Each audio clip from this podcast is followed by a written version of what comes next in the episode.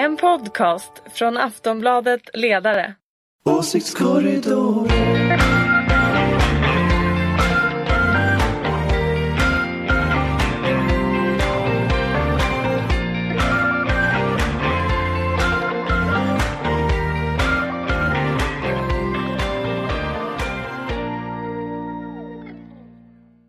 Hej och välkomna till Åsiktskorridoren, Aftonbladets ledarredaktions egen podd. Jag heter Karin Pettersson och som ni vet så är det snart val. Därför har vi gjort en specialsatsning och låtit vår söndagskrönikör Katrin Kelos möta Göran Persson, legenden, för detta statsministern och tidigare socialdemokratiska partiordföranden för en lång och innehållsrik intervju. Varsågoda sitter vi på ett kontor i centrala Stockholm och har äntligen lyckats eh, sätta på mikrofonerna. Jag heter Katrin Kielos, jag sitter här med Göran Persson, svensk statsminister i tio år, numera konsult här på IKL och ordförande i Sveaskog. Vi ska göra podcast. Och bonde. Och bonde. Vilket är mycket viktigt. Mycket en vikt- stor del av min vardag. Det är idag. en stor del av din vardag. Eh, vi ska göra podcast. Just det. Mm, lyssnar du på podcast? Ja, jag har lyssnat på tidningen Lands podcast. De har en podcast. ja. Just det, de intervjuade mig. Då var jag tvungen att lyssna på det. Jag förstår. Så Det det var, var enda det enda Det var enda gången. Ja, precis. Ehm, så ehm, vi är väldigt glada vi har fått den här tiden med dig och ska väl försöka lyfta oss lite ovanför det som kallas för valrörelse och som pågår här utanför fönstret. Mm, jag, ska, jag tar din hand så får du dra mig uppåt. Jag drar dig uppåt, Ja, ja. upp ur, upp ur myllan. Ehm, det har talats mycket om förtroende i svensk politik Mm. de senaste åren. Eh, vikten av att ha politiskt förtroende. Och det Mm. används nästan som ett väldigt märkligt abstrakt begrepp som betyder någonting i Mm. stil med att se ut som Anders Borg. Men du som har varit statsminister i tio år, vad är politiskt förtroende egentligen? Om du får vara lite filosofisk. Politiskt förtroende, det är den känslan man ska ha som politiker för att våga göra det man vill. Om du känner att du inte har kontakt med folk, känner att du inte har förtroende, då vågar du inte heller göra det du vill. Så fungerar ju politik och kanske livet i övrigt också. Så politiker som blir fega, politiker som väntar, som tvekar, de känner nog att de inte har förtroendet. Och därmed så tappar de kraften. I politik är förtroendet det centrala för det ger kraft. Sen behöver förtroendet inte vara så att du är älskad. Men du ska vara respekterad. Människor ska veta att det finns en kompetens, att det finns en kraft, att det finns också en empati. När det där smälter samman på något konstigt sätt, då växer det fram ett förtroende. Hur tycker du då om sättet som vi pratar om politiskt förtroende just nu i svensk politik? Där det handlar väldigt mycket om krona för krona finansiering och så vidare. Det har, Det är ett förtroende som, som, som man talar om som egentligen representerar en rädsla. Istället för att begära ett mandat för att göra det man vill och veta att man har visat att man kan och att man förmår och därmed så har man också fått ett mandat som rymmer ett förtroende. Istället för att göra det så ålägger man sig själv en massa restriktioner, normer, regelverk som är det som ska signalera till valmanskåren att man har det så kallade förtroendet. Jag tror det är en farlig väg att gå. Därför att eh, om det vore så enkelt så att förtroendet byggdes av en princip, krona för krona exempelvis, då kunde nästan vem som helst syssla med politik. Det är mycket svårare än så. Politik är det mest svåra man kan ägna sig åt, den högsta formen av intellektuell verksamhet. sa han med ödmjukhet. Ja, men det är inte mitt citat det där. Det där är, det är en italiensk gammal kommunist som heter Togliatti som sa så. Det är det enda kommunistcitat jag brukar använda. Eh, och eh, nej, men det är ett bra citat. Den högsta formen av intellektuell verksamhet är politik. När det är som bäst. När det inte är som bäst är det definitivt inte så, naturligtvis. Men den här diskussionen om att man ersätter relationen till valmanskåren, relationer till de människor man möter. Eh, att man ersätter den relationen, det förtroende man bygger med någon slags paket av normer. Mm. Eh, jag tror att det är väldigt farligt. Vems fel är det då? Att det har blivit så här? Jag tror att det där är en utlöpare av den nyliberalism vi har sett. Det är ju samma tankefoster egentligen som finns i den ekonomiska. Att bara man följer ett visst antal Ja, normer. visst, precis. Det är så här. Det här är regelverket. Men politikens privilegium är ju att man faktiskt kan förändra regelverket. Man är inte sällan den som är med och skapar regelverket. Det måste ju för, kunna förflyttas. Och om man då binder sig för hårt vid masten, ja, då kan man inte förflytta regelverket. Och då kan man heller inte bedriva politik. Ta den Bör vi, här- för, vi ta- det finanspolitiska Ja, regelverket? ta, ja, ta den här enkla saken, krona för krona. Vi kan ju snart vara i ett läge då vi faktiskt behöver utnyttja vårt statsfinansiella styrka. Genomförde vi saneringen av statsfinanserna för att sen därefter säga att nu ska vi inte utnyttja den här friheten vi har skaffat oss. Nej, naturligtvis inte. Vi genomförde saneringen därför att vi ville använda statsfinanserna för att bedriva politik. Och så har man då den restriktionen att ja, du kan inte gå så långt, du kan inte slarva så mycket att du förlorar förtroendet. Men med det vi har skapat i Sverige så har vi ett unikt läge att bedriva en aktiv finanspolitik. Och då om man surrar sig vid masten och säger att nej, det ska vi inte göra när det är krona för krona, så kommer det att vara en restriktion som gör att vi inte kan bedriva politik. Om man gör det här för att man är rädd, för att koppla till ditt tidigare resonemang. Ja, precis. För att man inte har verkligt politiskt förtroende Nej, för att man inte, för att man relationer. inte talar direkt med folk, berättar vad man vill göra och visar vad man kan. Och ehm, så vad hade du velat se att man gjorde? Ja, det finns... Har överskottsmålet spelat ut sin roll till exempel? Alltså att, Det har du sagt Att, ja, att, att, att, att, eh, att Sverige i det läget vi nu befinner oss ska sikta på ett överskott i offentliga finanser, det tycker jag är märkligt. Eh, låt säga att vi nöjer oss med att vi ska gå runt, plus minus noll, eh, och har det som mål. Skap, öppnar vi ju ett utrymme för i storleksordningen 30-40 miljarder kronor för aktiva insatser. Och visst finns det behov för dem. Och de kan vara av olika slag. Eh, återigen, eh, det är ju ingen poäng att ha överskott i offentliga finanser om det är så att statsskulden är borta. Vilket är. Eh, ja, i praktiken Är det. Ja, naturligtvis har varit länge. Om, om vi tittar på nettoskulden så har vi ju, har vi ju eh, haft ett, ett, ett, ett starkt läge också i, i de riktigt dåliga tiderna. Så var vi ju inte så fruktansvärt illa ute. I den meningen. Det var andra saker. Det var förtroendet då som brast gentemot omvärlden. Så att eh, den styrka vi har ska ju utnyttjas för att bedriva politik. Och det finns stora områden som man skulle behöva ta tag i. Eh, Jag kan ju bara peka på en sån sak som klimatutmaningen. Den kräver, tror jag, stora investeringar i både forskning, infrastruktur. Eh, alldeles utmärkt samhällsbyggnadsuppgift. Väl förenlig med socialdemokratisk tradition. Att bygga landet. Ja, naturligtvis. Därför att, och det bygger på solidaritetstanken. Va? Det, det folkhem vi har byggt. Det har ju ofta beskrivits som ett, ett socialt projekt. Visst är det så. Men det byggde på den enkla tanken om solidaritet. Att vi ställer upp för varandra. Och att alla är med. Ibland har ju solidaritet betraktats som att man ska tycka synd om folk. Ungefär så. Va? Så är det ju inte. Utan det är ett krav på alla att vara med och ta sin del av ansvaret. Ingen är så stark att man inte någon gång behöver en hjälpande hand. Ingen är så svag att man inte någon gång kan ge en hjälpande hand. Det är jätteviktigt. Och då fick vi så att säga det sociala projektet, samhällsbygget.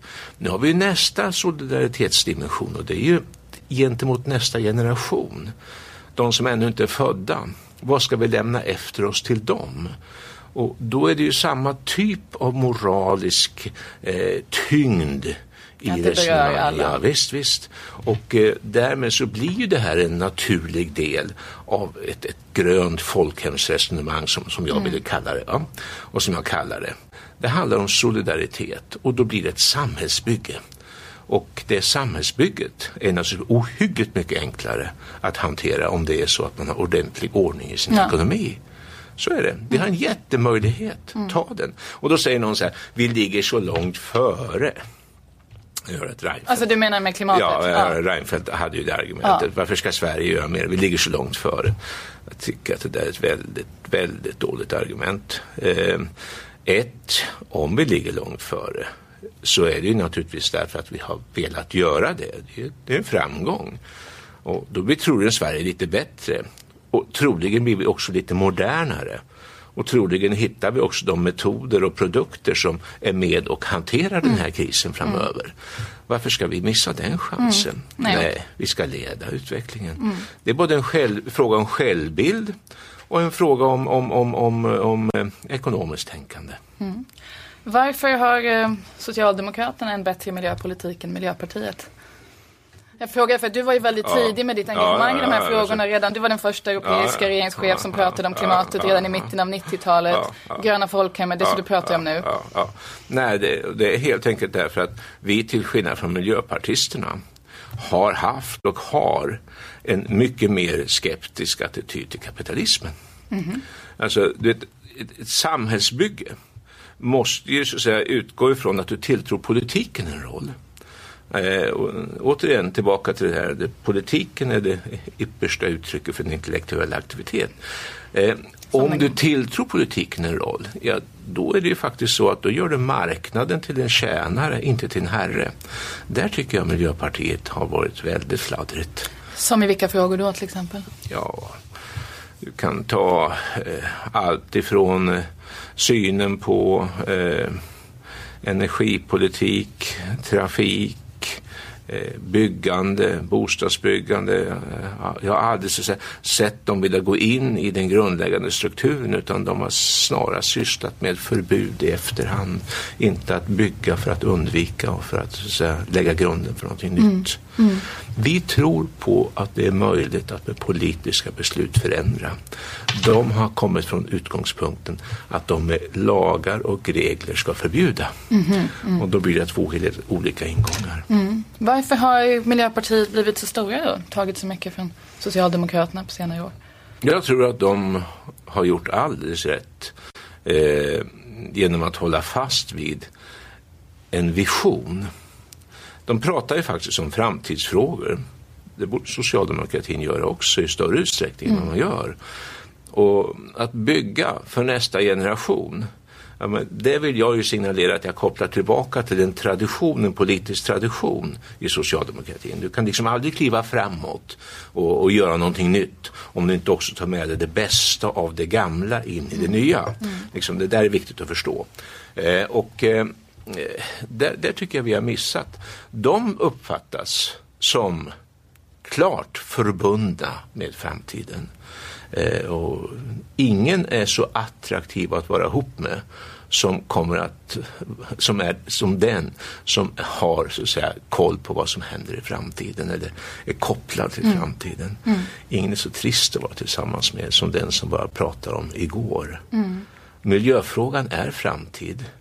Miljöfrågan är stor ekonomisk politik. Miljöfrågan är stor teknisk politik. Miljöfrågan är forskning. Miljöfrågan är egentligen allt. Den är för stor för Miljöpartiet? Det vet jag inte om. Det är lite det, du säger. Det, ja, just nu i alla fall. Ja. Men det är ett ungt parti. Mm. Och då är det klart att de utvecklas. Men vad jag inte tycker om hos Miljöpartiet idag exempelvis, det är deras, deras eh, eh,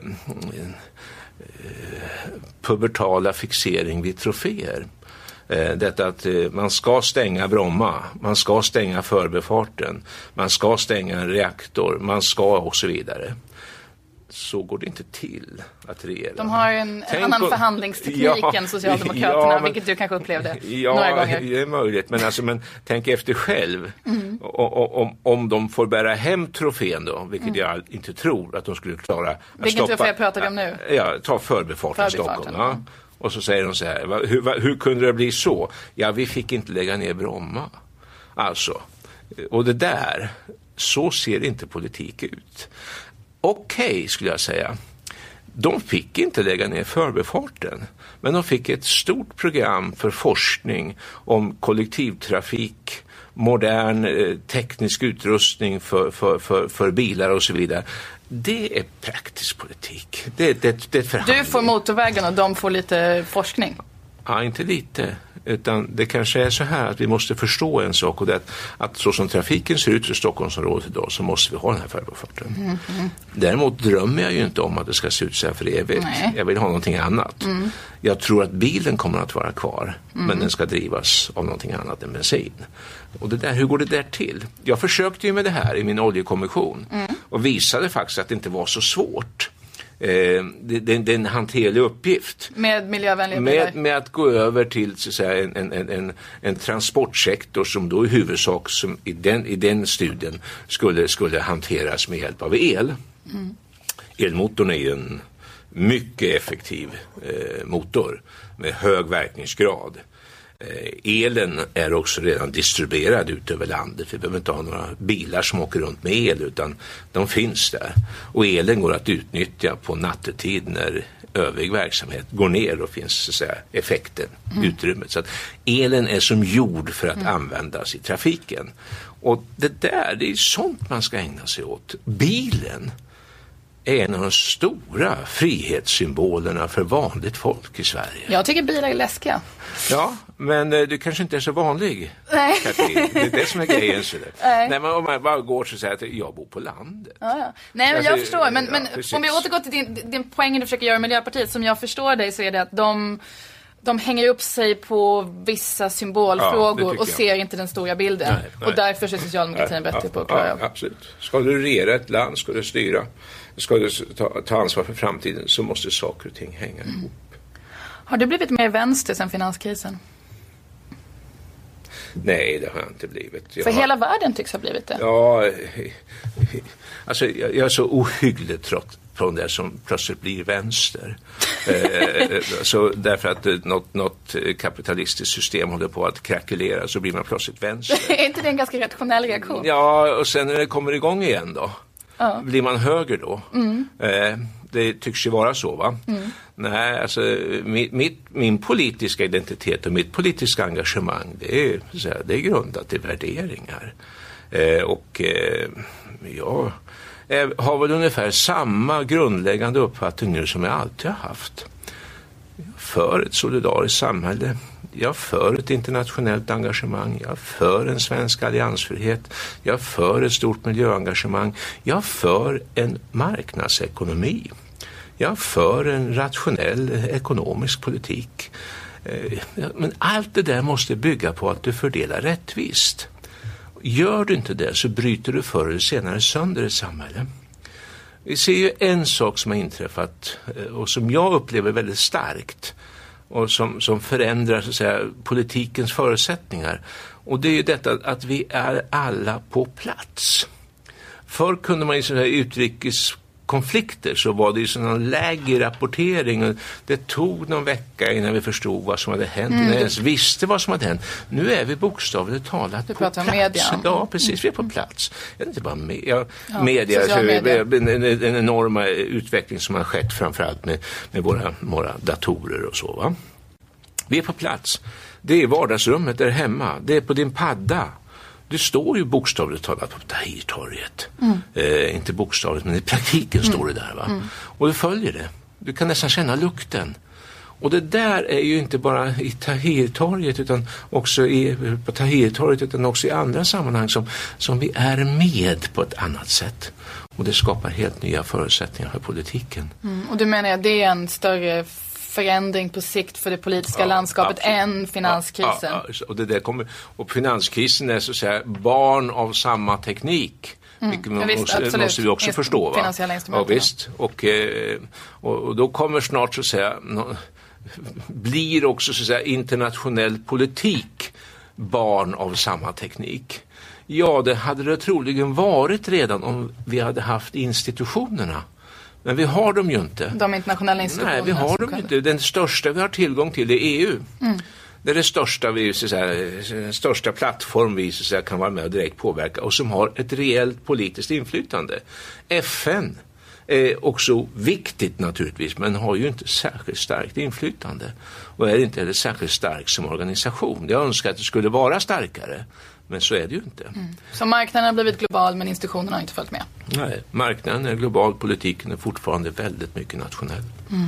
Ta bara den här valrörelsen vi har nu i Sverige nu. Hur mycket internationell dimension finns där? Ja, Reinfeldt Men- försökte väl Ja, genom att se allvarlig ut och prata om Ja, Syrien. Ja, just det. det. Just det. Och varna för ryssen samtidigt som man har skurit ner på försvaret. Till Ryssland sträcker sig engagemanget. Ja, Ja. precis. Har, ehm, hur många gånger har du träffat Vladimir Putin? Ja, jag vet inte. Fem, tio gånger Mm. skulle jag tro. Vad är ditt intryck? Ja, det är en, en, en, en- person som är mycket blyg. Ja, i, I det personliga mötet. Eh, lågmäld. Eh, med tiden allt mer, naturligtvis allt mer säker på sin sak. Eh, I början ganska osäker måste jag säga. Å andra sidan eh, kommen ur en politisk kultur som är naturligtvis så långt ifrån vår som man kan komma. Och därmed lite svår att läsa. Därför att man har ibland så att säga, sin egen, så att säga, sitt eget ramverk, sin egen normuppsättning som man utgår ifrån och försöker förstå saker och ting. Det är klart att vi har, har misstagit oss i vissa avseenden på herr Putin. Hur, hur oroliga bör vi vara? Det är över 2000 döda i Ukraina nu sen, sen april. Nu är ryska aggressionen nu de senaste dagarna. Hur ska man som svensk se på det här? jag tillhör de som tror att eh, Put, det, det, det är punkt för Putin. Alltså det här, det här är början till slutet för Vladimir Putin. Alltså Vad han har gjort nu, det är naturligtvis någonting som, som jag inte tror man kan göra idag. Nämligen att han, han, han manövrerar ut Ryssland ur den internationella ekonomin. Ett Ryssland som lever högt på att sälja gas och olja Visst. till omvärlden. Det där kommer så småningom att resultera i ett Ryssland som kommer till ett ekonomiskt stillestånd. Och det i sin tur kommer att resultera i stigande arbetslöshet och problem för vanligt folk att få sin vardag att gå ihop. Då kommer också i Ryssland politiska oroligheter. Om det möts med ytterligare internationell aggression, det är klart att det är ohyggligt farligt i så fall. Men det kan ju också vara så att vi vaknar imorgon och så är herr Putin borta och så är det någon ny. Och det jag tycker är det märkliga med Ryssland, det är att vi inte riktigt vet hur ser den interna opinionen och oppositionen ut? Vilka är de som står och stampar i farstun och vill gå in och ta över? När det gäller Kina då så följer vi det där ganska väl. Vi är vet ungefär vilka är de bra poäng, ja. Men Ryssland, vi har ingen aning. Nu är Ryssland ett litet land. Jaha, Eh, vilket det var en nyhet för mig. Ja, vilket man ska komma ihåg alltså. På vilket sätt då? Ja, befolkningsmässigt, Befolkningsmässigt, och ja, ekonomiskt. ja. ja. ekonomiskt. Eh, Däremot är det en gigantisk nation till ytan. Det är en kontinent vi talar om med elva tidszoner. En, Mm. En, en, en glest befolkad kontinent som dessutom åldras och som har ett besvärligt hälsoläge i befolkningen och som har en väldigt orättvis fördelning och som har en underutvecklad industri och som lever högt på gas och olja. Det är ingen frisk granne vi har. Och frågan är hur uthålliga är de i en upprustning exempelvis av sitt försvar? Hur mycket, hur mycket, hur mycket resurser har de? Eh, Just nu när man följer debatten låter det som om, om Ryssland kommer att vara ifatt USA eller någonting sånt där. eh, Vilket naturligtvis inte alls är fallet. Men eh, bara det att vi har fått en totalt ny bild av vårt närområde. Från ett, ett, ett, ett läge där vi fäste väldiga förhoppningar vid ett Ryssland som skulle så säga, växa in naturligt i en europeisk gemenskap. Till ett läge där vi nu börjar på att vara rädd för Ryssland igen. Det är klart att det är, det är en dramatisk förändring. Mm. Vi äm, läser nu i tidningarna om hur välfärdsföretagens chefer och ägare tar ut rekordutdelningar samtidigt som personalen tjänar 12 000 kronor i månaden. Det här har blivit en väldigt infekterad fråga um, som vi hör om hela tiden. När insåg du att det här vinstintresset som väl både socialdemokratiska och borgerliga regeringar släppte in i välfärden skulle bli ett problem? Jag är inte ens säker på att det är ett riktigt problem rakt igenom. Det är viktigt att... Jag gör en väldig skillnad, tyck- vill jag säga, på, på, på det som gäller vård och omsorg och sen på utbildning. Mm. Och du tycker vinstintresset är mer problematiskt på utbildningssidan? Ja, naturligtvis. Mm. naturligtvis. Alltså, särskilt i grundskolan. Mm. Eh, därför att det bryter sönder den så säga, gemensamma organisation vi har för att möta unga människor.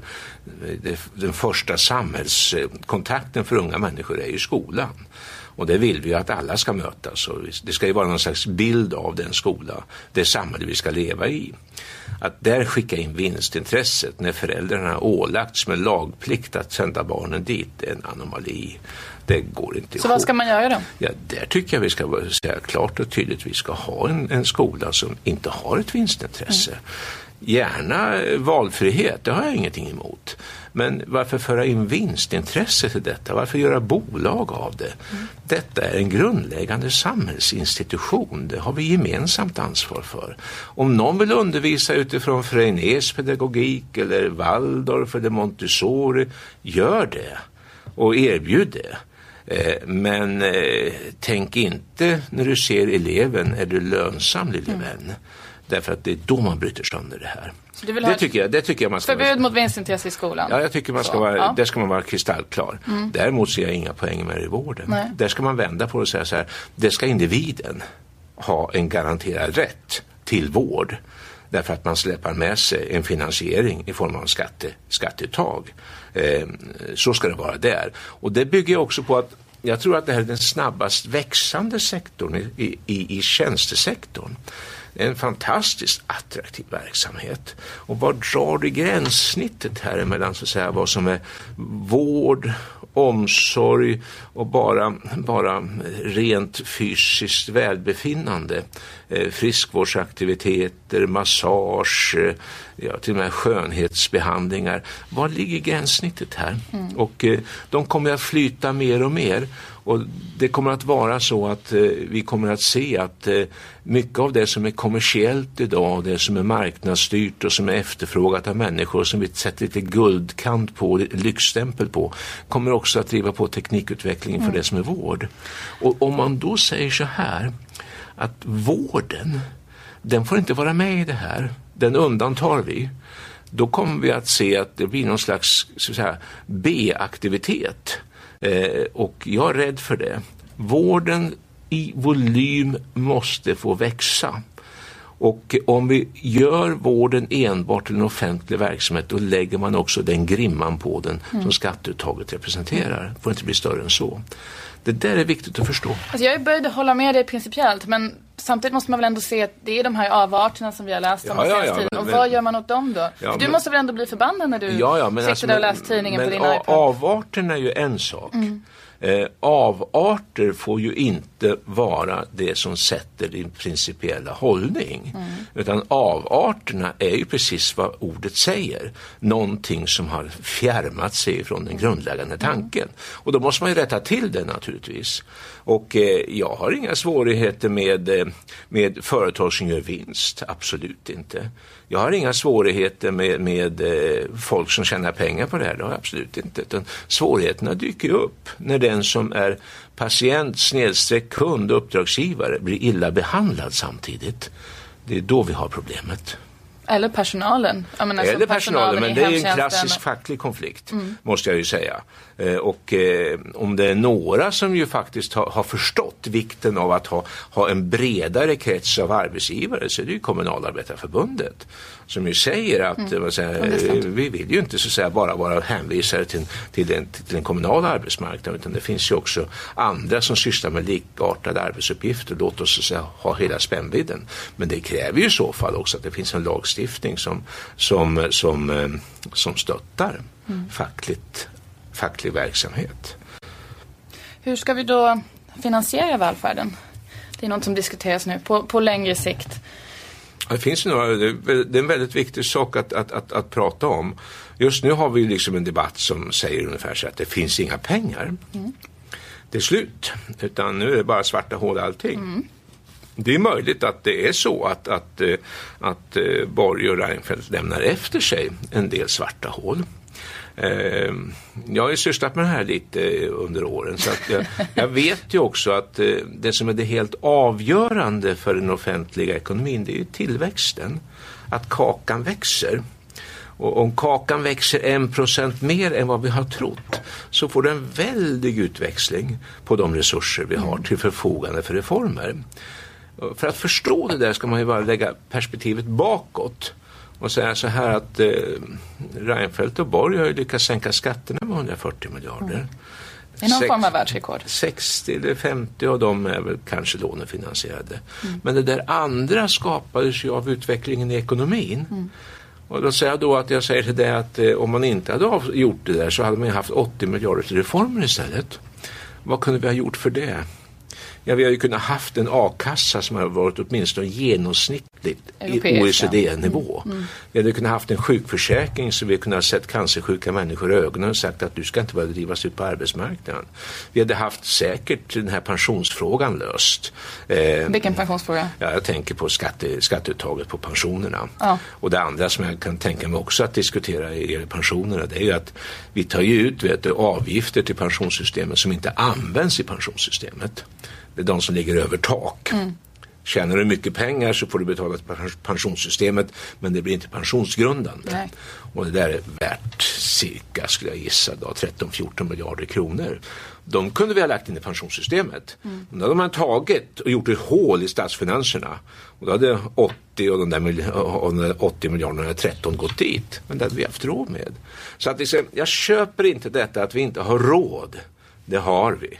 Eh, utan det är avhängigt av den ekonomiska utvecklingen, kakans tillväxt. Eh, så att, eh, nej, jag kan göra en lång lista på reformer. Mm. Och jag, jag, jag, jag, är inte på något sätt orolig för att vi inte kommer att klara det. Mm. Varför skulle historien ta slut nu? Mm. Det är mycket märkligt. Mm. En allt större del av välfärdens finansiering har ju skjutits över på kommunerna. Det är väl en sån trend ja. man kan se. Mm. Är inte det problematiskt? Jo, det är problematiskt men inte utifrån att kommunerna har finansieringsuppdraget utan utifrån att kommunerna ser så olika ut. Mm. Eh, där ligger problemet. Och det är ju väldigt svårt att utjämna det då. Förlåt? Och det blir väl svårt att utjämna det då? Ja, det kanske går. Mm. Eh, alltså jag, jag, måste säga att eh, alla pratar om behovet av en skatteutredning. Jag säger ja, okej okay för det. Men den viktigaste och svåraste skattefrågan vi har att lösa det är ju kommunalskatten. Och det är den skatt som vanligt folk betalar. 85 procent av inkomsttagarna betalar ju bara kommunalskatt. Och som inte är proportionell. Nej, nej. Och då får du veta ju att bor du i en kommun så betalar du 29 procent. Bor du i en annan kommun så betalar du 34 procent. Bor du i den kommunen som tar ut 34 procent så får du troligen också en sämre kommunal service. Så kan vi inte ha det. Utan det är klart att kommunalskatten är en sån sak som en socialdemokratisk regering borde titta på. Jag är, jag är beredd att säga att oss titta på den norska modellen. Vad som är vilken? Som har en enhetlig kommunalskatt. Ah, ja. Du betalar 30 kronor oavsett vilken kommun du bor. Mm. Och sen får staten se till så att det där som finns emellan i, i ojämlikhet och kommuner emellan, det utjämnas. Men då vet du att eh, det skattesystem man har i ett land, eh, det är rättvist oavsett var du bor. Det kan man mycket väl tänka, titta på. Och då säger någon, då kommer det att drabba den kommunala självstyrelsen. Nej, tok heller. Inte är väl Norge ett land som har en dålig kommunal självstyrelse. Tvärtom, det Nej, finns ju få länder som är mer decentralistiskt än Norge. Nej. Utan det här, det här är fundamentet för en orättvisa landsändar emellan. Och den frågan kommer bara att skärpas med den våldsamma urbanisering som nu pågår. Och som vi också borde sätta upp på dagordningen. Vill vi ha det så? Är det bra? Ska alla bo i Stockholm? Är det här alla värden skapas? Naturligtvis inte. Jag har inte sett ett sågverk på Östermalm. Inte en gruva på Södermalm inte ett stålverk på Kungsholmen. De ligger på andra ställen i Sverige och under överskådlig tid är de vår ekonomiska ryggrad. Mm. Och om då alla flyttar hit eller till Göteborg eller Malmö, hur hanterar vi då det som är grundläggande produktionsförutsättningar för det som är ekonomisk ryggrad i Sverige? Svara på den frågan. Ja, jag vet vad du försöker svara på den. Ja, ja. Nej, men jag håller med. Jag håller med. Ja. Um, har du alltid kallat dig feminist? Nej, det har jag inte. Utan det där eh, eh började jag med när jag blev så provocerad. Eh, jag hade inte tänkt i de där termerna tidigare och sen så, så, så, visste jag att jag skulle få frågor, är du feminist? Herregud, tänkte jag, Är jag feminist. Vad är det? var ju då den första så att säga, eh, reflektionen. Och då kom jag fram till att feminism det var att det finns så att säga, strukturella skillnader som är systematiska i ett samhälle beroende på om du är man eller kvinna. Och det tycker jag är orättvist. Så vill jag inte ha det. Alltså vill jag motverka dessa strukturella och systematiska skillnader. Alltså är jag feminist. Så resonerade jag. Det tycker inte jag är så svårt. Varför tror du att det har uppkommit ett feministiskt parti i Sverige? Som väldigt många är väldigt attraherade av trots att de kanske inte har så jättemycket policy eller förslag. De, det finns en, liksom en, en energi runt de här frågorna. Det finns en energi runt Gudrun Schyman. Det finns det är många, många unga som dras till det här. Ja, först och främst, Gudrun är en fantastisk politiker. Mm. Har jag alltid tyckt. Ja. Eh, en av de bästa som jag har debatterat emot måste jag säga. Och ibland också med. eh, härlig person. Eh, däremot inte alltid, tycker jag, särskilt, eh, särskilt eh, klurig när det gäller eh, politiskt sådär, strategiska. Och jag har väldigt svårt att se att det nu skulle vara en, en, en fördel för feminismen i Sverige att ett par procent från socialdemokrater och vänsterpartister går till ett initiativ som inte hamnar i riksdagen. kan tvärtom till och med vara så att det får Reinfeldt att sitta kvar. Det är en rätt märklig situation, men så ser det faktiskt ut. Varför dyker det upp? Ja, jag tror att du ska fråga dig så här.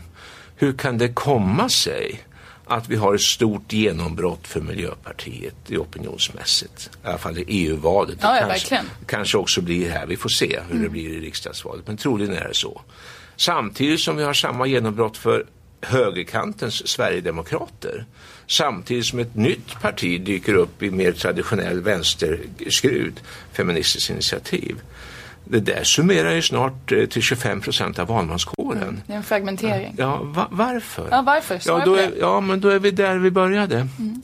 I, I den här diskussionen som, som, som så här, där man, man, man, man, man, man, man, man söker inte förtroendet. Man lutar sig mot regelverk och mot tolkningar och eh, mot, mot eh, Så de stora partierna pratar budgetregler ja, och då på något sätt ja, det, man, tapp, man tappar kontakten med framtiden.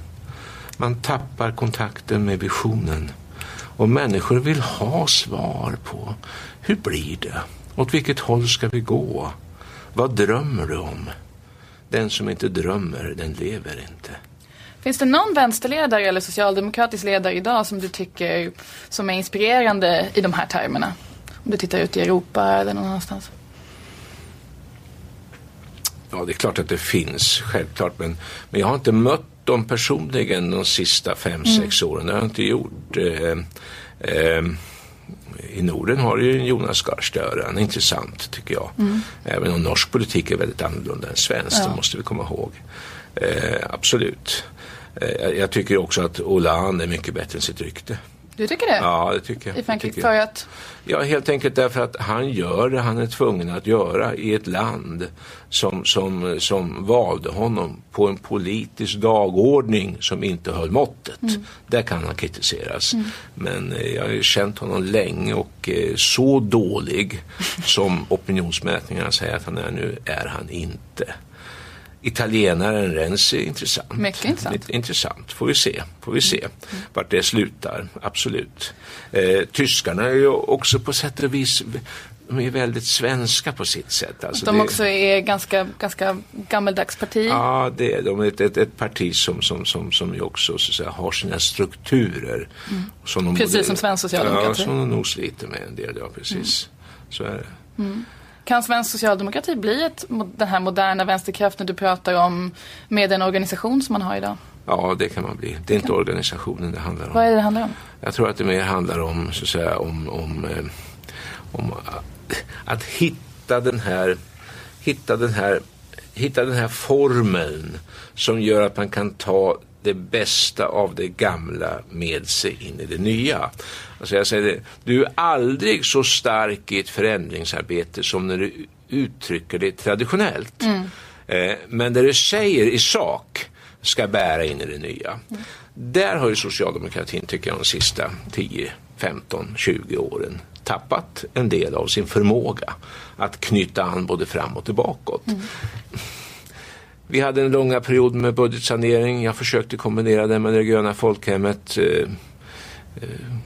Vi behöver starta om efter den. Jag förstår. Mm. Hur, um, apropå knyta bakåt, hur ser du på Sverigedemokraterna som ju är ett ja, parti som gör tvärtom? Jag har, har, har, väldigt, har väldigt svårt att, att riktigt så säga, kommentera Sverigedemokraterna mm. därför att jag tillhör de som fortfarande bara känner namnet på en enda företrädare ja. där. Det är också märkligt. Det är ett parti som snart har 10 procent och vi känner en företrädare. Det säger någonting om vad det är för uttryck.